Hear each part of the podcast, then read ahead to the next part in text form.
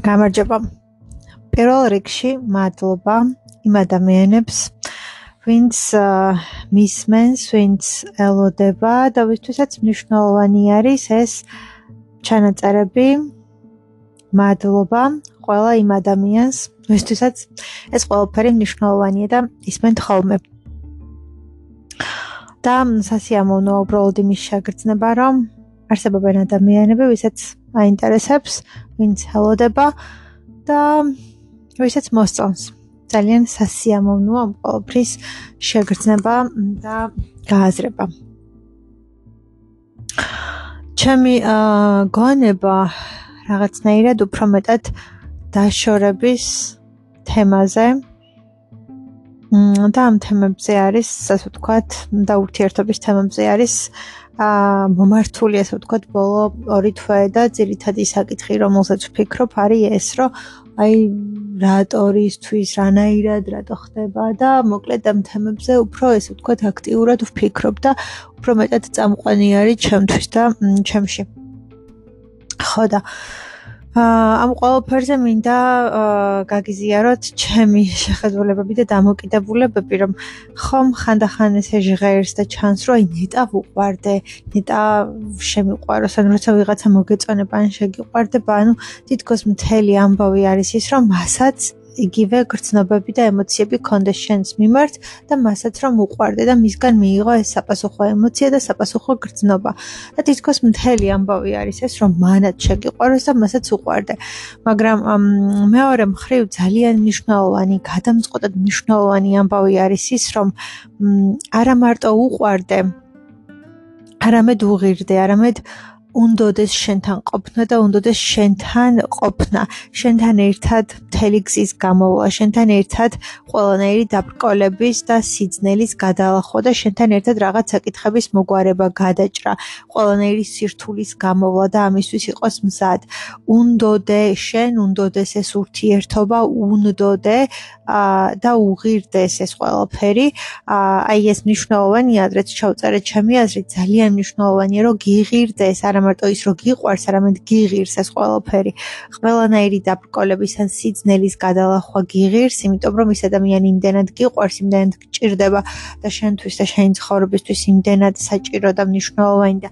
გადამწყვეტად მნიშვნელოვანია, რომ ვერც კი ხედავ და ვერც კი წარმოგიდგენი, ასე ვთქვათ, მის garaშე რაღაც ან რაიმე, შესაბამისად ის რომ მასთან იყო ეს არის გადამწყვეტად მნიშვნელოვანი და ძალიან, ასე ვთქვათ, ძალიან ძალიან მნიშვნელოვანი, წამყვანად მნიშვნელოვანი ემოცია. მოკლედ, მოკლედ ის რომ ანუ თავარია გინდოდეს, ანუ შეიძლება ძალიან გიყვარდეს, მაგრამ მასთან ყოფნა აღარ გინდოდეს, მასთან ურთიერთობა აღარ გინდოდეს, მასთან, ну, მასთან ყოფნა აღარ გინდოდეს და ეს ურთიერთობა აღარ გინდოდეს, ანუ გიყვარს, მაგრამ აღარ გინდა. ანუ რამდენად გინდა? და გინდა თუ არა, მ სურვილის ქონა ეს არის ძალიან ძალიან მნიშვნელოვანი, იმიტომ რომ ხანდახან ადამიანები გვიყვარს, მაგრამ მათთან ესეთი ხშირი კომუნიკაცია ან კონტაქტი არ გვინდა. აი ურთიერთობა რამდენად გვინდა, ეს არის გადამწყვეტად მნიშვნელოვანი და კიდევ ვფიქრობდი იმას, რომ რამდენად მნიშვნელოვანი არის, რომ ადამიანს შეხვდე ზუსტად საჭირო დროს, საჭირო წუთს და საჭირო მომენტში, საჭირო ადგილას. ეს დამთხევა, ანუ აცენები არის ბოლო პერიოდი, რაც კი საერთოდ ანუ რაც კი დავიწყე ამ ყველაფერზე ფიქრი და რაც კი დავიწყე ამ თემაზე და ამ ყველაფერზე ფიქრი არის ის რომ ურთიერთობაში ნებისმიერ შემთხვევაში არის ის რომ გადამწყვეტად მნიშვნელოვანი არის ამ სურვილი. ერთი რო გინდოდეს და გიღირდეს ყველანაირად და უფრო უფრო უფრო მნიშვნელოვანი რაც შეიძლება რომ პირველ ადგილას იდგეს ეს არის რომ გიღირდეს, გიღირდეს ეს ადამიანი, გიღირდეს ეს ურთიერთობა და ყველაზე ყველაზე ყველაზე მნიშვნელოვანი რამ რაც კი შეიძლება რომ იყოს ეს არის აცდენები. რამდენად ემთხოვით ერთმანეთს, ანუ აი ეს აცდენა, ემოციური აცდენა, დროში აცდენა, ტემპში აცდენა, რაღაცაში აცდენა ყოველთვის არის ცუდი. ყოველთვის იწვევს პრობლემებს, ну, ჩემი დაკვირვებით, ანუ მე რასაც ვაკვირდები ჩემს ურთიერთობას, სხვების ურთიერთობას, ჩემს გარშემო რაც ხდება, ან მომხდარა, ან ვისი ამბავიც გამიგია, ან რაც რაც წამიკითხავს ან დაუკვირვები ვარ, მე პირადად მგონია, რომ როდესაც ორი ადამიანი რაღაცაში ცდება, შეიძლება რაღაც პერიოდი, გარკვეული პერიოდი საინტერესოთაც კი ჩანდეს, ჟღერდეს, მოგწონდეს, კიდევ უფრო მეტ მიზიდულობას და რაღაცას იწოდეს, მაგრამ აი ამ პერიოდს და ამ მომენტსაც რო ამოწურავდა ეს რაღაც ძალიან დიდი ინტერესის და ცნობის მოყარეობის და აღმოჩენის და რაღაცის პერიოდები რომ გაივლის, მე ეს აცდენები, რაშიც ერთმანეთს ვერ ემთხოვით, ძალიან რთული ხდება, ძალიან ბევრ კონფლიქტურ სიტუაციას იწვევს.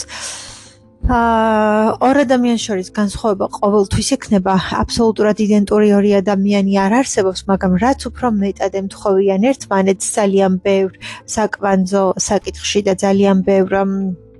ისეთ მნიშვნელოვან საკითხში, ჩემი აზრით ეს არის ძალიან ძალიან მნიშვნელოვანი და შეიძლება ითქვას, რომ გადამწყვეტად მნიშვნელოვანიც კი არის, რომ ორი ადამიანი ერთმანეთს ემთხვეოდეს და ერთმანეთს არაცდეს, იმიტომ რომ ემოციური აცდენები, ემოციური ამოვარდნები კატასტროფას ვიწევს ურთიერთობაში. ამ რა ვიცი, დროში აცდენა, ტემპში აცდენა, რაღაცებში აცდენა, ანუ ძალიან რთული გადასალახი არის, იმიტომ რომ შენ რომ განწყობაზე ხარ, ის ის ამ განწყობაზე აქ მარტო ხასიათზე და უბრალოდ ერთ და ორ დღიან განწყობაზე არ არის კიდევ საუბარი, აქ არის იმაზე საუბარი, რომ მ შეიძლება პერიოდები გქონდეს, ანუ შენ რო ცუდი პერიოდი გაქვს, მას ძალიან კარგი პერიოდი აქვს, შენ რო კარგი პერიოდი გაქვს, მას აქ ჩავარდნა, ანუ აი ამაში რო ვერ ემთხოვით და შენ, ანუ შენში მე აა შენ რა თქმა უნდა, ანუ რაღაცებს აღარ ითხოვ, ან აღარ შეთხოვ, იმიტომ რომ ნუ ძალიან ცუდი პერიოდი უდგას ადამიანს და თავისთავად არაბუნებრივიც კი იქნება რომ მიხვიდე და რაღაცები მოითხოვო. მაგრამ ამ დროს შენ გიწევს შინაგანად ძალიან ბევრ დათმობაზე წასვლა, ძალიან ბევრი სურვილის და ძალიან ბევრი რაღაც ემოციის უკან დახევა, ჩახშობა და უკან, რა ვიცი, წაღება ამ ყოველფრის. და ნუ მოკლედ ძალიან რთული არის ხოლმე ის მომენტი და ის ფაქტი, რომ მ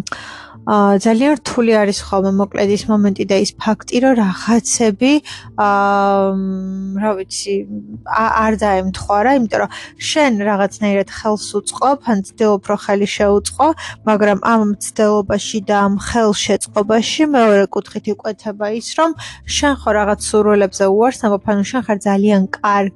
ეტაპზე, მომენტზე, ემოციურად და რაღაცები გინდა, მაგრამ ამ შენ რაღაც სურვილებზე ან ემოციებზე უარს ამბობ და უკანი ხევ, იმიტომ რომ ხვდები რომ ამის დრო არ არის, იმიტომ რომ ის შენი მეორე ნახევარი პარტნიორი არის ძალიან ცუდ ემოციურ მდგომარეობაში და შესაბამისად არ არის იმის დრო და იმის მომენტი, რომ შენ რაღაცები მოითხოვო ან რავი რაღაცა. ან ანალოგიურად იგივე რა ხდება, ანუ ერთმანეთს აცდით, ანუ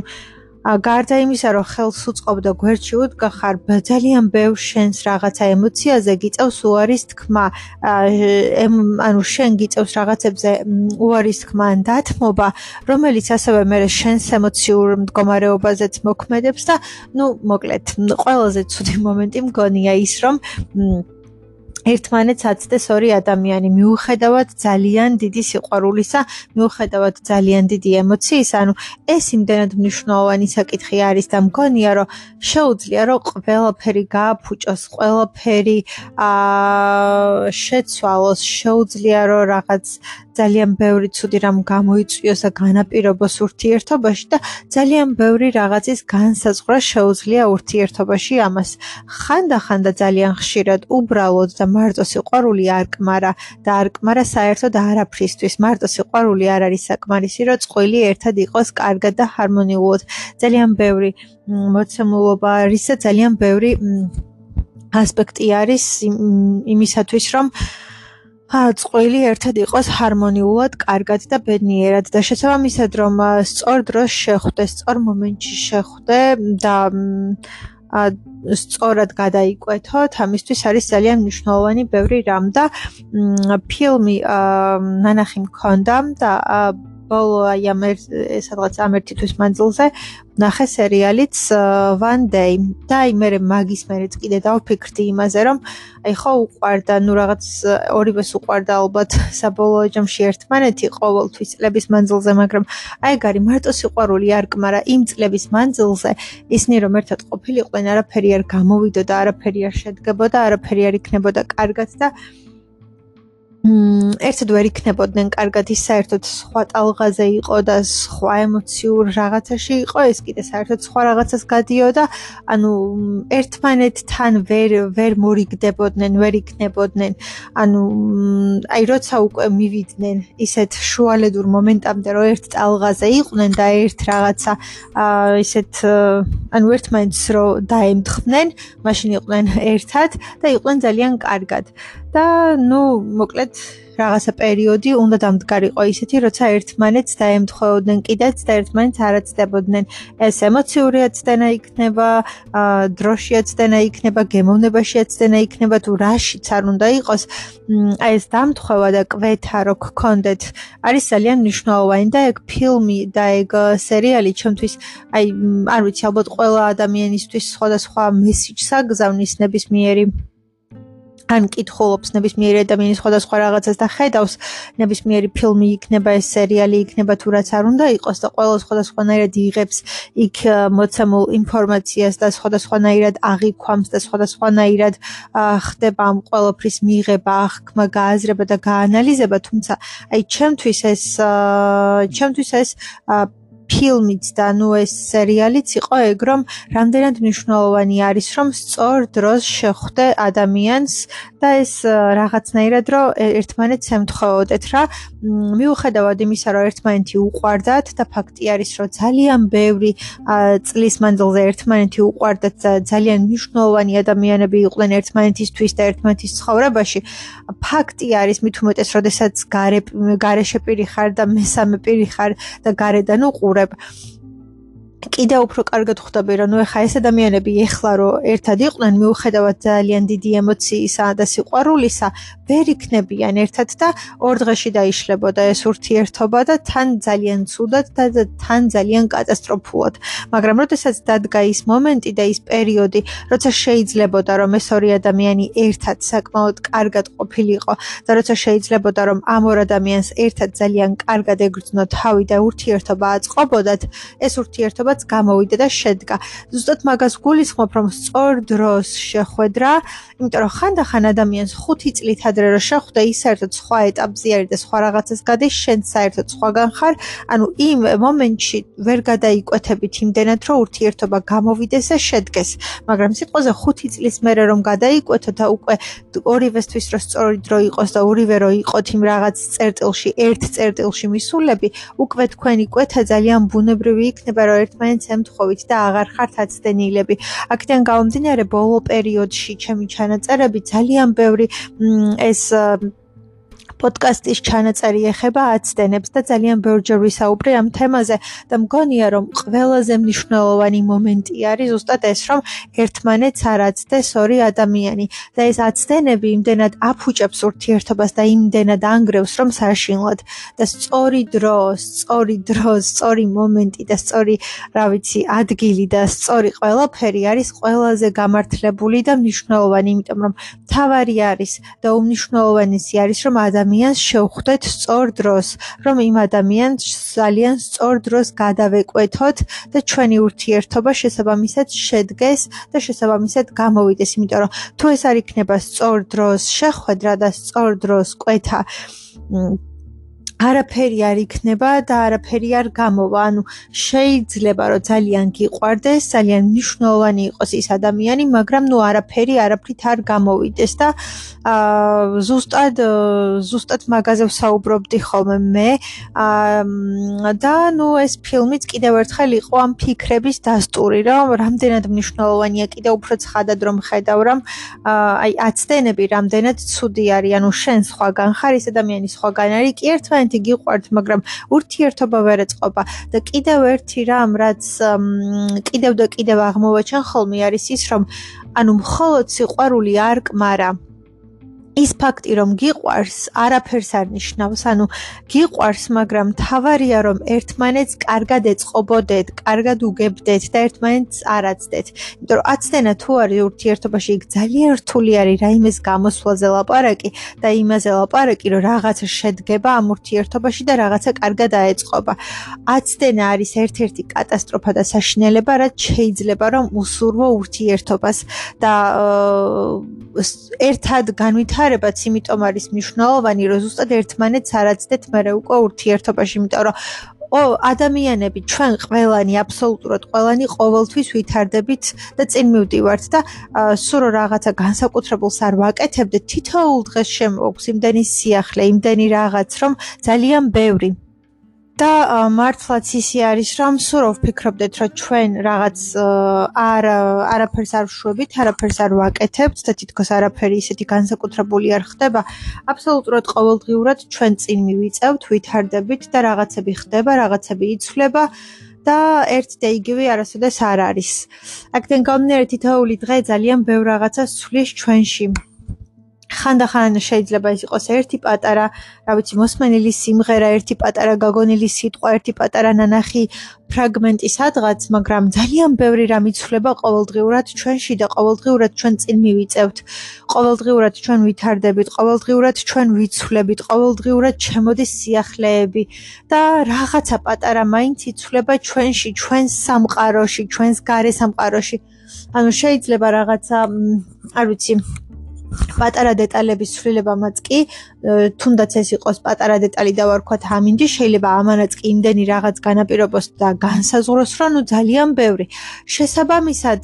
უამრავი რამ იცვლება ჩვენში ყოველდღიურად და თუ ეს ადამიანი ვინც ჩვენთან ერთად არის ჩვენი პარტნიორი ჩვენი მეორე ნახევარი თუ ჩვენთან ერთად არ გადის რაღაც გზას და თუ ჩვენთან ერთად არ ვითარდება კიდევ უფრო მეტად მეტად ხდება მე აცდენა რაღაც ეტაპზე შეიძლება მიხვდე, რომ შენ ამ ადამიანთან ცხოვრობ, შენ ამ ადამიანთან ერთად ხარ, მაგრამ საერთოდ აღარ იცნობ, იმიტომ რომ მარტო ერთად ცხოვრება და ერთ სივრცეში ყოფნა არ არის რომ ადამიანს იცნობდე და იცოდე. აი ეს ერთად განვითარება, ერთად რაღაცა გზის გავლა, ერთად რაღაცა ერთად განვითარება არის უნიშნულოვანესი, რომ ერთად ვითარდებოდეთ, ერთად გადიოდეთ რაღაც გზას და მის განვითარებას არ ჩამორჩე და არ ასე ვთქვათ, მუდმივად დააპდეიტებული იყო და მუდმივად აი უახლეს ვერსიაზე იყო და რაღაცა არა წინა ვერსიებზე გქონდეს და ფლობდა ინფორმაციას, ანუ მ განახლება მუდმივად უნდა ხდებოდეს. ანუ როგორც ჩვენ ტელეფონში მაგალითად რაღაც გარკვეული აპლიკაციები განახლდება ხოლმე და ახალ ვერსიაზე გადადის, ანუ ჩვენც არ უნდა დავრჩეთ ძველ ვერსიაზე, როდესაც ადამიანთან გვაქვს ურთიერთობა, იმიტომ რომ მნიშვნელოვანი არის რომ მის განვითარებას დავეწიოთ და მისი ცვლილებები და მისი რაღაცები მივიღოთ, მისი ინტერესებით დავინტერესდეთ და მივიღოთ მისი ცვლილებებიც და მისი განვითარებაც და გარკვეული ინტერესი ამ ყოველფრის მიმართ გამოვიჩინოთ. იმიტომ რომ ადამიანი რაღაც მდინარესავით არის ალბათ, მდინარეს ყველა მდინარეს თავთავისი სახელი აქვს და ეს მუდმივად ასე იქნება, ხო? იმ მდინარესის სახელი ერქმევა და რაღაც, მაგრამ ეს მდინარე ხო უძრავად არ არის და არ დგას, ანუ მუდმივად არის მდინარებაში. და მუდმივად მოძრაობს და მუდმივად არ ჩერდება. და ეს რაღაც ესეთი არის ადამიანი, ხო რაღაცა ის მუდმივად წინ მიიწევს, მუდმივად მიდის და მაშინაც კი როცა გონია რომ შეიძლება გაჩერებულები ვართ და ჩვენ სამყაროში და ჩვენ ცხოვრებაში არაფერი არ იცვლება, აი მაშინაც კი ძალიან ბევრი რამ იცვლება. მაშინაც კი ძალიან ბევრ რაღაცას გავდივართ ემოციურად, შინაგანად, ფიქრებით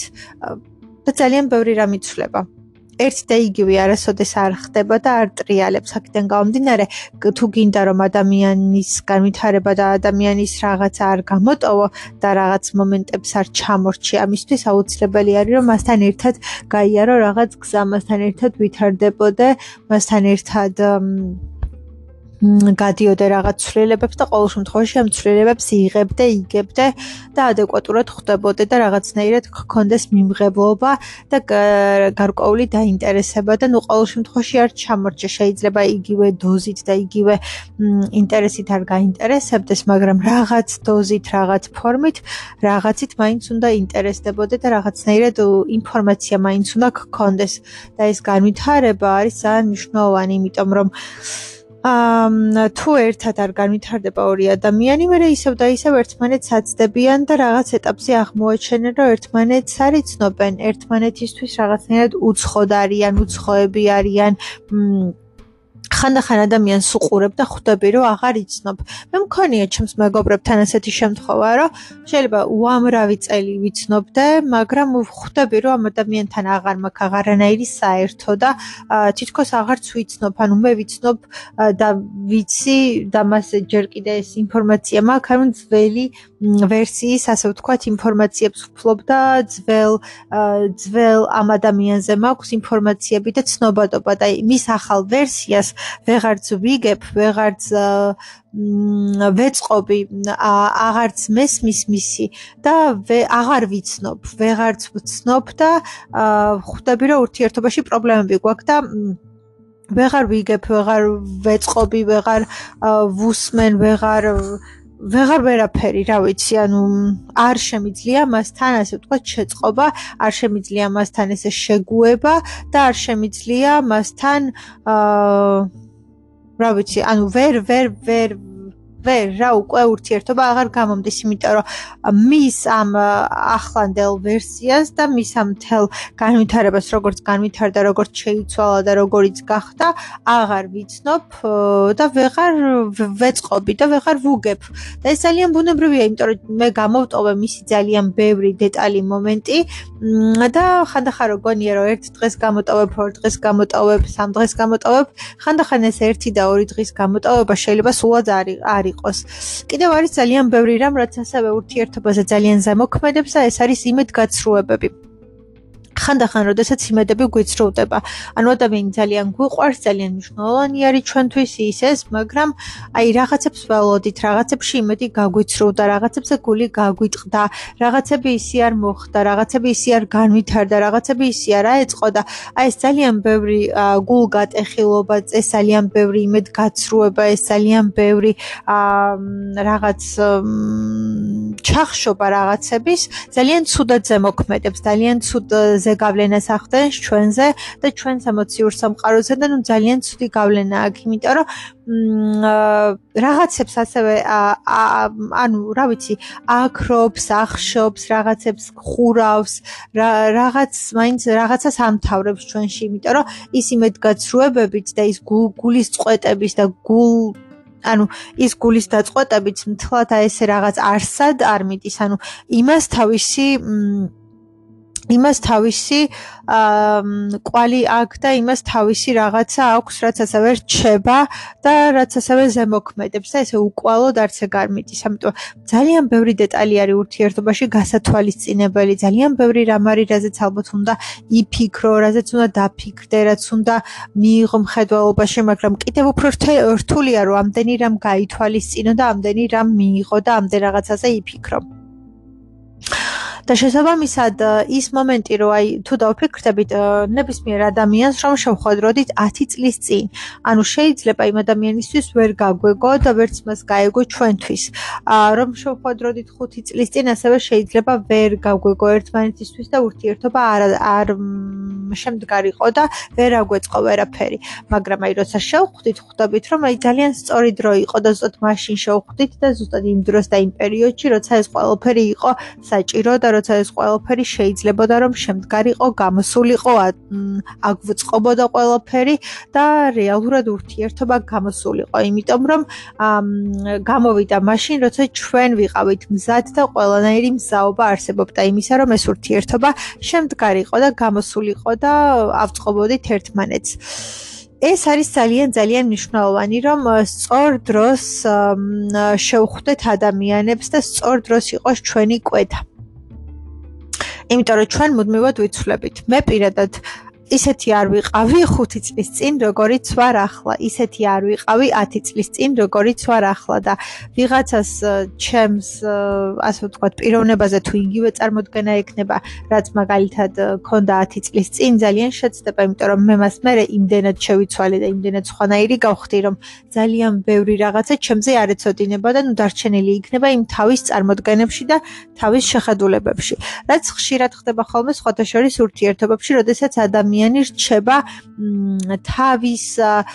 თავის წარმოდგენებში და თავის შეხედულებებში და რეალურად შენ მეს არ უყურებს. ანუ შენ როგორი გახდი, შენ როგორ შეიცვალე, შენში რა განვითარება მოხდა, შენში რამდენი რამ შეიცვალა, რამდენი რამ განვითარდა, რამდენი რაღაც მოხდა და აი ამ ყველაფერს თითქოს ნაკლებად აღიქვამს, ან ნაკლებად უყურებს და არც არის თითქოს მისთვის შესამჩნევი, მაგრამ ეს ის მომენტია, რომელიც მგონია რომ ადამიანმა არ უნდა გამოტოვო. აა და ხო ეს სწორ დროს შეხვედრა არის ყველაზე მნიშვნელოვანი. ასევე აცდენები არის ძალიან ძალიან ცუდი და აა რა ვიცი, მაგაზე ცუდი არ ვიცი რა შეიძლება იყოს ურთიერთობისთვის, იმიტომ რომ შეიძლება ძალიან გიყვარდეს, ძალიან არ ვიცი, გიждდებოდა იმ ადამიანზე, უბრალოდ ხვდებოდა რომ ურთიერთობა ვეღარ გამოგდით, ვეღარ ეწყობით ერთმანეთს, იმიტომ რომ ანუ სხვა საერთოდ სხვადასხვა პერიოდს გადიხართ, საერთოდ სხვადასხვა ტალღაზე ხართ, სხვადასხვა ემოციურ მდგომარეობაში ხართ, საერთოდ სხვადასხვა რაღაცებში ხართ და საერთოდ სხვადასხვა რაღაცებს გადიხართ და ერთმანეთს ვერც უგებთ, ვერც აგებინებთ, ვერც უხსნით, იმიტომ რომ შენ რომ ამ რაღაცაში ხარ, ის საერთოდ სხვაგან არის და ანუ საერთოდ სხვადასხვა რაღაცებზე ხართ და იმისათვის რომ ერთმანეთის გაიგოთ, გაუგოთ და ერთმანეთს სწორად გააგებინოთ, სწორად აუხსნათ და თქვენი სათქმელი სწორად მიიტანოთ ერთმანეთთან და ერთმანეთამდე, ამისათვის საჭირო არის რომ ერთ ტალღაზე იყოთ, ერთ ემოციურ მდგომარეობაში იყოთ და რომ ერთმანეთს არ აცდეთ და რაღაცები არ გამოტოვოთ. აა ხო, არ ვიცი, მთელი ის ვფიქრობდი აი ამ საკითხზე, რომ რამდენად მნიშვნელოვანი არის და რამდენად გადამწყვეტად მნიშვნელოვანი არის რა. ერთი ის, რომ აცდენები რამდენად ცუდ საქმეს აკეთებს ურთიერთობაში. მეორე ის, რომ შეიძლება ადამიანი მართლა ძალიან გიყვარდეს, გიშდებოდე, გინდოდეს, მაგრამ არ ვიცი, ურთიერთობა აღარ გინდოდეს, ან უბრალოდ აღარ შეგეძლოს, იმდენად იყო გამოფიტული, იმდენად იყო დაღლილი, იმდენად იყო რაღაცნაირად უბრალოდ აღარ შეგეძლოს. და აღარ გამოგდიოდეს, აღარ კონდეს ძალა, აღარ კონდეს რესურსი, აღარ კონდეს ამის არანაირი შესაძლებლობა და მზაობა და ეს ნუ ძალიან ცუდად ზემოქმედებდეს, რა თქმა უნდა. აა და ხო ნუ კიდე რომ დავფიქრდი იმაზე რომ აი მართლა რამდენად მნიშვნელოვანია რომ სწორ დროს შეხვდე ადამიანს და მანდაც კიდე იმას დენებთან მიდიხარ რომ აი რაღაც პერიოდის წინ რო შეხვედროდი ამ ადამიანს ერთმანეთს აუცილებლად აცდებოდით, იმიტომ რომ შენ სხვა განვითარების გზას გადიოდი, ის საერთოდ სხვა განვითარების გზას გადიოდა, სხვა ინტერესები ქონდა, სხვა რაღაცები ქონდა, შენ საერთოდ სხვა რაღაცები ქონდა და არანაირი კვეთა, არანაირი რაღაც არ გექნებოდათ და ერთმანეთისგან იქნებოდით აი როგორც ცა დედამიწა ისეთი განსხვავებულები, მაგრამ რაღაცა დრომ გაიარა, რაღაცა პერიოდი გაიარეთ, რაღაცა გან განვითარების ეტაპები შენც გაიარა, იმანაც გაიარა და შეიძლება ძალიან ბუნებრივად ორივე ძალიან ბუნებრივად მიხვიდეთ განვითარების ერთ მომენტში, ერთ წერტილში და ერთ კვეთაზე და ზუსტად იქ უკვე ერთმანეთს დაემთხვეთ, იმიტომ რომ განვითარების ერთ რაღაცას გადიხართ, ერთსა და იმავე საფეხურზე ხართ, ერთ რაღაცაში იმყოფებით და ნუ მოკლედ ყველაფერი აეწყოს ძალიან კარგად, ორივესთვის ძალიან ჰარმონიულად და ორივემ ძალიან კარგად იგრძნოთ ერთად თავი. და ეს არის ძალიან ძალიან ძალიან მნიშვნელოვანი რომ ურთიერთობა აეწყოს, ურთიერთობა ააწყოთ ერთ ტალღაზე უნდა იყოთ, ერთ ემოციურ რაღაცაში უნდა იყოთ, ერთმანეთს უნდა ეწყობოდეთ, უგებდეთ, განვითარების ერთსა და იმავე ეტაპს გადიოდეთ, რაღაც ერთნაირ ემოციურ რაღაცაში უნდა იყოთ. ანუ ძალიან რთულია, როდესაც ის სხვაგან არის, შენ სხვაგან ხარ, ანუ რაღაც მომენტში, ძალიან პატარა მომენტში შეიძლება საინტერესოც კი იყოს, რომ აი რაღაცა სხვა სამყაროს ეცნობი, სხვა რაღაცას იცნობ, მაგრამ შინაგანად და ბუნებრივად თუ ეს შენი არ არის, რაღაც მომენტში ესეც იჩენს თავს და ეს ინტერესიც გაივლის, ეს რაღაცაც გაივლის და მე რა ვიცი რა დარჩება, არ ვიცი. თუმცა ადამიანებზე არის ალბათ დამოკიდებული და ინდივიდებზე, იმიტომ რომ არიან საერთოდ განსხვავებული ადამიანები ერთად აბსოლუტურად და იმდენად აინტერესებთ ერთმანეთი, რომ ეს ინტერესი არასოდეს არ უნელდებათ და რაღაცნაირად ძალიან კარგად ინარჩუნებენ ურთიერთობას და ზუსტად ეს არის მათთვის საინტერესო, რომ ერთმანეთისგან რადიკალურად განსხვავდებიან. თუმცა რა ვიცი, ადამიანებზე არის ალბათ ეს დამოკიდებული და ინდივიდებზე და ხასიათზე და კარგად უნდა იცნობდი ასევე საკუთარ თავს, შენს ხასიათს, შენს მოთხოვნებს, გამოხატულებებს და ნუ ძალიან ბევრ რაღაც დეტალს უნდა ფლობდე საკუთარ თავზე. შესაბამისად ეს იქნება ის, რომ შენ თუ შენ თავს კარგად იცნობ და შენი ხასიათი და შენი რაღაცები თუ კარგად იცი, ნუ უფრო უფრო მეტად არის იმის გარანტია, რომ შენ რაღაცნაირად ისეთ ურთიერთობაში იქნები, სადაც თავს მართლა ძალიან კარგად იგრძნობ და რაღაცნაირად კარგად აეწყობი. აა ხო, ну არ ვიცი, მე მაგალითად ძალიან გამიჭირდება აბსოლუტურად რადიკალურად განსხვავებულ ადამიანთან ურთიერთობა. იმიტომ რომ, ну, ხო რა ვიცი, ჩემთვის ეს აცდენები ზოგადად ძალიან რთული ამბავია ხოლმე. მე პირიქით ძალიან მომწონს, აი, ადამიანი რო ზეპირად გიცნობს უსიტყვოდ, რომ ესმის შენი ერთს რო შემოგხედავს და ნებისმიერი შენი მიმიკა, გამოხედვა, გაღიმება და ნებისმიერი ინტონაცია და სიტყვა იცის რას ნიშნავს. თუნდაც რომ თქვა არაფერი, ან თუნდაც რომ თქვა კარგი, ზუსტად იცოდეს ეს როგორი კაია, ეს როგორი არაფერია, იმიტომ რომ ხანდახან მე ვამბობ არა არაფერი და ამ არაფერში უამრავი რამ იგულისხმება. ხანდახან ვამბობ არაფერი და ეს მართლაც უბრალოდ არაფერია. ხანდახან ვამბობ არაფერი და იმ არაფრის მიღმა უამრავი პრობლემა იმალება და იმ არაფრის მიღმა იმალება ის, რომ მე რაღაც ნაწყენი ვარ, გაბუტული ვარ, გაბრაზებული ვარ, ის ვარ, ეს ვარ, ანუ ყოველთვის სხვადასხვა რაღაცას ნიშნავს, ასე ვთქვათ, ჩემი არაფერი ან ჩემი კაი. და შესაბამისად ადამიანი ძალიან კარგად უნდა მიცნობდეს, იცოდეს და ეს მოდეს ეს ყველაფერი და ძალიან კარგად უნდა იცოდეს რას ნიშნავს და რას გულისხმობს ჩემი კი ან ჩემი არა ან ჩემი არაფერი ან ჩემი კაი. და ანუ მე ეს ურთიერთობები ძალიან მომწონს და მიზიდავს, როდესაც ადამიანი უსიტყვოდ გიცნობს, უსიტყვოდ ესმის მ როცა ძალიან კარგად გიგებს და ნუ როცა ესმის შენი და ესმის აა ხო, როცა ესმის შენი და როცა ესმის ყველაფერი რა, რა ვიცი, რომ შემოგხედავს უკვე იცის ყველაფერი შენი ემოციური მდგომარეობა, შენი განწყობა და არ გჭირდება ზედმეტად რაღაცების ახსნა, ზედმეტად რაღაცებზე ლაპარაკი და უბრალოდ ძალიან კარგად, მშვიდად და ჰარმონიულად ხარ მასთან და არ გჭირდება რაღაც ზედმეტი სიტყვები, ზედმეტი ახსნები, ზედმეტი ლაპარაკი და არ გჭირდება ძალიან ბევრი რაღაცის, ასე ვთქვათ, მართლა ახსნა და ძალიან ბევრ რაღაცაზე ლაპარაკი და ჩემთვის ეს ძალიან მნიშვნელოვანი მომენტი არის ყოველ შემთხვევაში, ძალიან დიდ როლს თამაშობს ის, რომ ადამიანთან აბსოლუტურად კარგად უგრძნობდე თავს და ძალიან ბევრ რაღაცას განაპირობებს კიდეც და განსაზღვრავს კიდეც.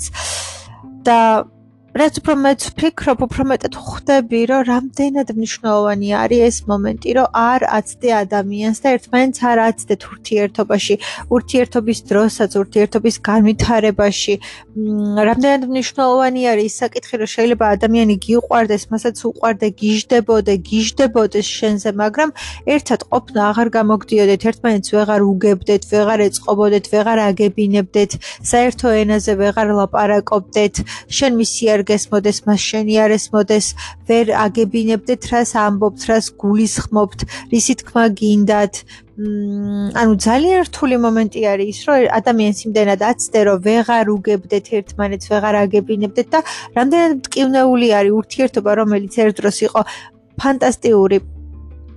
და სადაც აბსოლუტური გაგება შეწყობა და ყველაფერი იყო, ანუ ახლა დგას პრობლემა იმაზე, რომ ერთმანეთის გესმით თუ არ გესმით, ერთმანეთს აგებინებთ თუ ვერ აგებინებთ, ერთად რამდენად კარგად ხართ, რამდენად ჰარმონიულად ხართ და არ ვიცი, ანუ ძალიან ცუდი მომენტი არის მართლა ის, რომ ადამიანთან დაკარგო აი ეს რაღაც, რაც ძალიან მნიშვნელოვანი იყო შენთვის და რაც ურთიერთობას ხდიდა საოცარს, გასაოცარს, ჰარმონიულს და ნუ არ ვიცი უბრალოდ ერთმანეთს იმდენად აცდეთ და იმდენად დაიკარგოთ ამ ყველაფერში, რომ მართლა რავი, საერთოდ სხვადასხვა რაღაცე რაღაც ეტაპზე და მომენტში აღმოჩნდეთ და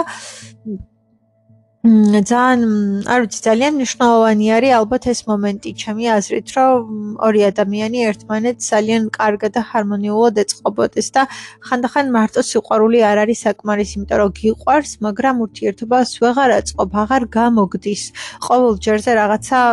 ბარიერს და კედელს ეჯახები და პრობლემები და პრობლემები ჩნდება და ეს რაღაც აღარ გვარდება და მე შენ ციბნევი და მე შენ ნერვები გეშლება და ვეღარ იგებ საერთოდ რა ქნა და რა გააკეთე ვაკეთო, იმიტომ რომ ვერც იმას ხვდები რატო, რისთვის, საიდან, რის გამო,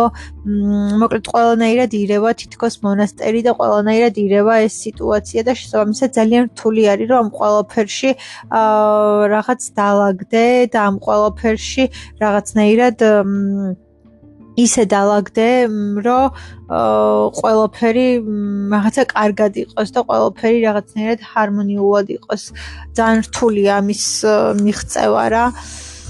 ამ და ხო ეს რაღაც აცდენები ძალიან ძალიან მტკივნეული თემა არის ჩემი აზრით ერთ-ერთი ძალიან მტკივნეულია იმიტომ რომ ხო შეიძლება ადამიანი გიყვარდეს გიждდებოდე მმ ну არა რა ვეღარ გამოდიოდეს აღარ გამოდიოდეს ვეღარ ეწყობოდეს რაღაცები და ვერაფრით ვერაფრით ვეღარ გამოგდიოდეს ვერაფერი და რამდენი მტკივნეულია გიყვარს და არაფერი არ გამოდის გიყვარს და ну ვერაფერი გიყვარს და რაღაცა ესე უაზროდ არის რაღაცები დაალაგებული და რა ვიცი რამდენად რთული არის და ხო ის მომენტი რომ აი ხანდახან რა ძალიან მნიშვნელოვანია რა დროს რა პერიოდში ხვდები ადამიანს იმიტომ რომ რაღაც ეტაპზე რო შეხვედროდი ანუ არაფერი გამოგივიდოდა და არაფერი არ აგეწყობოდა და არაფერი არ შედგებოდა და ეს ურთიერთობა უბრალოდ დაიღუპებოდა მაგრამ აი როცა შეხვდი უკვე მე როცა ორივე ერთ წერტილში იყავით ერთ კვეთაზე და ორივე რაღაც ერთ იმას ერთ რაღაც პერიოდში იყავით თუ ერთ რაღაც წერტილში იდექით უკვე ყველაფერი გამოვიდა შედგა ჰარმონიული იყო ორივეს მოგწონდათ სიამოვნებდათ ორივესთვის რაღაც კარგად ვითარდებოდა ეს ურთიერთობა და რამდენად ჰარმონიული ემოციები და რამდენად კარგი რაღაცები შეიძლება მოიტაროს ურთიერთობამ რომელიც მოგწონს მე უკვე და მანდაც რამდენად გადამწყვეტ მნიშვნელოვანი არის, როდის ხვდები ამ ადამიანს, რა მომენტში ხვდები? და ასევე ისიც არის მნიშვნელოვანი, რომ აი ერთ წერტილში რომ იქნებით და რომ შეხვდები ამ ადამიანს, განაგრძოთ ერთად განვითარება და სხვა. და ყოველ შემთხვევაში ყველაფერი თუ იდენტურად არ აკეთეთ, რაც ასევე არ არის ყოველთვის საჭირო და რაღაც ანუ თქვენ თქვენი სივრცე უნდა გქონდეთ რა თქმა უნდა მაგრამ ის რომ ერთმანეთი არ გამოტოვოთ ერთმანეთის განვითარება არ გამოტოვოთ და ერთმანეთს იცნობდეთ და ერთმანეთის გაცნობა არ შეწყვიტოთ და ერთმანეთის დაინტერესება არ შეწყვიტოთ ეს არის ძალიან მნიშვნელოვანი და ხანდახან ისიც ხდება რომ ურთიერთობაში იმდენად ირევა ყველაფერი, იმდენად ირევა, იმდენად იბურდება ყველაფერი, რომ ბოლოს ვეღარ იგებ, ვეღარც იმას სადაცდი, რა დროსაცდი, რა როგორაცდი, რანაირადაცდი ამდენად, რანაირად გაფუჭდა ეს ყველაფერი, რამდენად რამდენად რა ვიცი, ცუდად წავიდა ეს ყველაფერი, როდის და რა მომენტში გაფუჭდა ეს ყველაფერი და როდის და რა მომენტში აირია ამდენად ყველაფერი, რომ აი ესე ქაოტურად წავიდა და ვეღარაფერი ვეღარ შეცვალე და ვეღარაფერი ვეღარ დაალაგე, ხდება ისიც, რომ ამ მომენტსაც ვეღარ იგებ და ვეღარ ხვდები საერთოდ რა ხდება, ვეღარ ხვდები საერთოდ სად ხარ, ვეღარ ხვდები საერთოდ რა ისტორიაში ხარ. და რაღაცაერთ იმასაც ხვდები რომ აღარაფრის შეცვლა ან გამოსწორება არ შეგიძლია ან არიცი საიდან დაიწყო ან არიცი საიდან დაალაგო და სად გამოასწორო და ნუ ხანდახან ყველაზე სწორი არის უბრალოდ ერთმანეთისთვის დროის მიცემა და ერთმანეთისთვის რაღაც სივრცის მიცემა რომ ერთმანეთს მისცეთ დრო და საშუალება რომ რაღაცნაირად იფიქროთ დაფიქრდეთ და ერთმანეთს მისცეთ დრო და საშუალება რომ თქვენი სივრცე გქონდეთ და რა ვიცი ყველაფერი ალბათ დაალაგოთ საკუთარ თავში. და რაღაც კითხებზე გასცე პასუხი რომ რა რატო როგორ ანაირად რისთვის და ასე შემდეგ და ასე შემდეგ. ზოგადად ყველაზე მეტად მგონია რომ ყველაზე რთული ამბავი და ყველაზე რთული მომენტი არის ურთიერთობა და არის ურთიერთობები რომ ყველაზე კრიტიკული, ყველაზე კრიზისული არის ურთიერთობა და ურთიერთობები. ყველაზე რთულად დასალაგებელი, ყველაზე რთულად შესანარჩუნებელი და ის რომ ჰარმონიული მდგომარეობა შეინარჩუნო არის ძალიან რთული. და არის ეს არ უნდა დაგვავიწყდეს რომ ურთიერთობას უნდა მუდმივად ზრუნვა და შრომა და მუშაობა და ურთიერთობა მართლა გავს ყვავილს, რომელიც ძალიან გიყვარს, რომელსაც უვლი ახარებ და ერთხელ როდესაც მიხვალ იმ მდგომარეობამდე, რომ ეს შენი ყვავილი გაახარე და გაიხარა და გაიფურჩქნა და ლამაზია, ეს არ ნიშნავს, რომ უნდა შეწყვიტო მისთვის წყლის დახმა, დასხმა. იმიტომ რომ თუ წყლის დასხმას შეწყვეტ, ეს ავტომატურად ნიშნავს, რომ ეს შენი გაყვავებული და რა ვიცი, გაალამაზებული ყვავილი თუ ხე თუ რა ვიცი, ისევ ჩამოიშლება და ჩამოჭკნება, იმიტომ რომ ის რომ მიიყვანე იმ მდგომარეობამდე, რომ მან გაიხარა, გალამას და ყვავილები გამოიყო და გაიფურჩქნა, ეს არ ნიშნავს, რომ მდგომარეობას შეინარჩუნებს უცხლოდ. ეს ნიშნავს, რომ მას მუდმივად ჭირდება მოვლა, მზრუნველობა და მზრუნვა იმაზე, რომ მუდმივად ასეთი ლამაზი იყოს, მუდმივად ასეთი გახარებული იყოს, ყვავილი გამოიღოს, შენც დაგატკბოს და შენც გაგახაროს, რომ როგორ ყვავის და როგორი ლამაზია. ამას ყოველფერს ჭირდება შრომა, მუშაობა და რაღაც გარკვეული ქმედებები, რომელიც საჭირო არის. სხვანაირად და წინააღმდეგ შემთხვევაში ის არ გაიხარებს, ვერ გაიხარებს და უბრალოდ ჩამოჭკნება. და ურთიერთობაც არის ზუსტად ასე, მას ჭირდება მუდმივი ზრუნვა, შრომა, ზრუნველობა, მოვლა, პატრონობა იმისათვის, რომ ან გაიხაროს და მოქცეს გარკვეული შედეგი. ყველას გისურვებთ ჰარმონიულ და ბედნიერ ურთიერთობას და ურთიერთობებს. რაც ძალიან სასიამოვნოა და აა რასაც ძალიან დიდი ბედნიერება და სიხარული მოაქვს. და არეული ურთიერთობა არის ძალიან ცუდი რამ, იმიტომ რომ ყველაფერი ირევა და ქაოტური ხდება მე შენ ცხოვრებაში. შეიძლება ბევრი არაფერი აღარ გიხაროდეს, ბევრ რაღაცას აღარ მოქონდეს დიდი ემოცია, დიდი სიხარული, რაღაც საოცარი განწყობები და ბევრი რაღაც უბრალოდ წაიშალოს გაფერმკრთალდეს, ბევრი რაღაც, რა ვიცი, სადღაც უაზროდ წავიდეს, იმიტომ რომ რაღაც ვეღარ ნახულობ ბევრ რაღაცას, რაც დიდად გიხარია, რაც გახარებს, რასაც სიხარული მოაქვს, რასაც ბედნიერება მოაქვს, რასაც სიამოვნება მოაქვს და შეიძლება ძალიან ბევრი რამ იყოს, რაც აღარ არის. შენთვის იმდენად სასიამოვნო და იმდენად კარგი როგორიც იყო. და ძალიან მნიშვნელოვანი არის ის, რომ ურთიერთობა მუდმივად რაღაც ჰარმონიულად მიდიოდეს, რა და ეს ჰარმონიული მდგომარეობა ნარჩუნდებოდეს და იზრუნოთ ერთმანეთის ემოციებზე, განწყობებზე, შეგრძნებებზე და იზრუნოთ იმაზე, რომ იყოთ ერთად, მშვიდად, კარგად, ბედნიერად და ერთმანეთი გაახაროთ და ეს ურთიერთობები უბრალოდ იყოს ორივესთვის ძალიან ტკბილი, ძალიან ჰარმონიული და ძალიან დიდი სიხარულის და ბედნიერების მომტანი. ეს არის ძალიან მნიშვნელოვანი და გადამწყვეტ მნიშვნელოვანი. ურთიერთობას უნდა მოქონდეს სიხარული და უნდა მოქონდეს ბედნიერება, უნდა მოქონდეს ხალისიანი განწყობა, ძალიან რა ვიცი, აი დილას რო იღვიძებ და უკვე ძალიან კარგ ხასიათზე ხარ, კარგ განწყობაზე ხარ, რო იცი რომ ბედნიერი ხარ და რაღაც გიხარია, რაღაც ძალიან კარგად ხარ და უბრალოდ ყველაფერი გიხარია, საქმეც უფრო კარგად გამოგდის, ყველაფერი უფრო კარგად გამოგდის, უფრო პროდუქტიული ხარ, უფრო რაღაც ხარისხიანი და კარგად აკეთებ ყველაფერს, რასაც აკეთებ, მთელი გული და სული დევს იმ ყველაფერში, რასაც შვები და ის იმ ყველაფერსაც უფრო კარგი შედეგი აქვს, იმიტომ რომ აი რაღაცნაირად შენ შენი მთელი ემოცია, გული და სული ჩადიან ყველაფერში და რა ვიცი, ძალიან ძალიან დიდი ბედნიერება არის ურთიერთობა და როდესაც ეს ურთიერთობა ქრება, შეიძლება ყველაფრის ხასიათი და განწყობა დაკარგო. შეიძლება ბევრი აღარაფერი აღარ გიხაროდეს, ან მხოლოდ გარეგნულად გიხაროდეს და შინაგანად დიდად ვარაფერს ვერ გრძნობდე და ეს რაღაც ემოციები და განწყობები საერთოდ დაგიკარგოს. შეიძლება ითქვას, რომ ურთიერთობა არის ყველაზე დიდი გამოწვევა და ყველაზე დიდი სირთულე, მაგრამ ასევე ის, რაც ძალიან გინდა, რაც გჭირდება, რისკენაც მიდიხარ, მიისწრაფი. გინდა რომ გქონდეს, გინდა რომ გამოვიდეს, იმიტომ რომ რაღაცნაირად გინდა გჭირდება, მაგრამ ყველაზე რთული არის, ყველაზე რთული დასალაგებელია, ყველაზე რთული მოსაწესრიგებელია, ყველაზე რთული არ ვიცი, ძალიან რთული არის. მე მგონია რომ ამაზე რთული არაფერი არ არსებობს. თუ ბუნებრივად ახლა არავინ არ გიყვარს და რაღაცა ესე ამ ემოციებში არ ხარ, მგონია რომ ეგეც ძალიან კარგი ეტაპი და მომენტია, იმიტომ რომ ძალიან ბევრი რაღაც საზრუნავი, საფიქრალი და პრობლემა მოხსნილი გაქვს და უბრალოდ შეგიძლია რომ ძალიან მშვიდად თავისუფლად აკეთო შენი საქმე, კარგად, ხარისხიანად, მთელი ემოციით განწყობით, მაგრამ როცა შეყვარებული ხარ, თქმა უნდა, გჭირდება, რომ ის ადამიანი შენთან იყოს და შენ გვერდით იყოს და ეს ურთიერთობა გამოვიდეს და შედგეს. მაგრამ ასევე არის ძალიან, ძალიან რთული და ძალიან ბევრი შრომა, ზრუნვა, ენერგია, ნერვები და ძალიან ბევრი რამ სჭირდება იმას, რომ ურთიერთობა იყოს სწორი, ნორმალური რომ ურთიერთობა იყოს უბრალოდ ჯანსაღი და შენს კარგ ხასიათზე გაყენებდეს და შენთვისაც მოქონდეს სიხარული, ბედნიერება, კარგი განწყობა და კარგი ემოციები, იმიტომ რომ თუ ურთიერთობა, რა ვიცი, არ არის ჰარმონიული და არ არის კარგი და შენთვისაც ყველაფერი ვერ მოაქვს, ვერ ჩვენ ვერ იქნება იმ ურთიერთობაში ძალიან ბედნიერად და კარგად და რა ვიცი, მგონია რომ ყველაზე რთული არის ურთიერთობები, ურთიერთობების დალაგება, აწყობა და ურთიერთობა რომ გამოვიდეს და ძალიან დიდი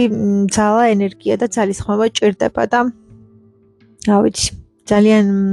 ძალიან რთული არის რა. ყველაზე რთული და დიდი გამოწვევა ჩემი აზრით არის ურთიერთობები და მე მათი დალაგება, აწყობა და ეს რომ ჰარმონიული იყოს ეს ურთიერთობა შენთვის და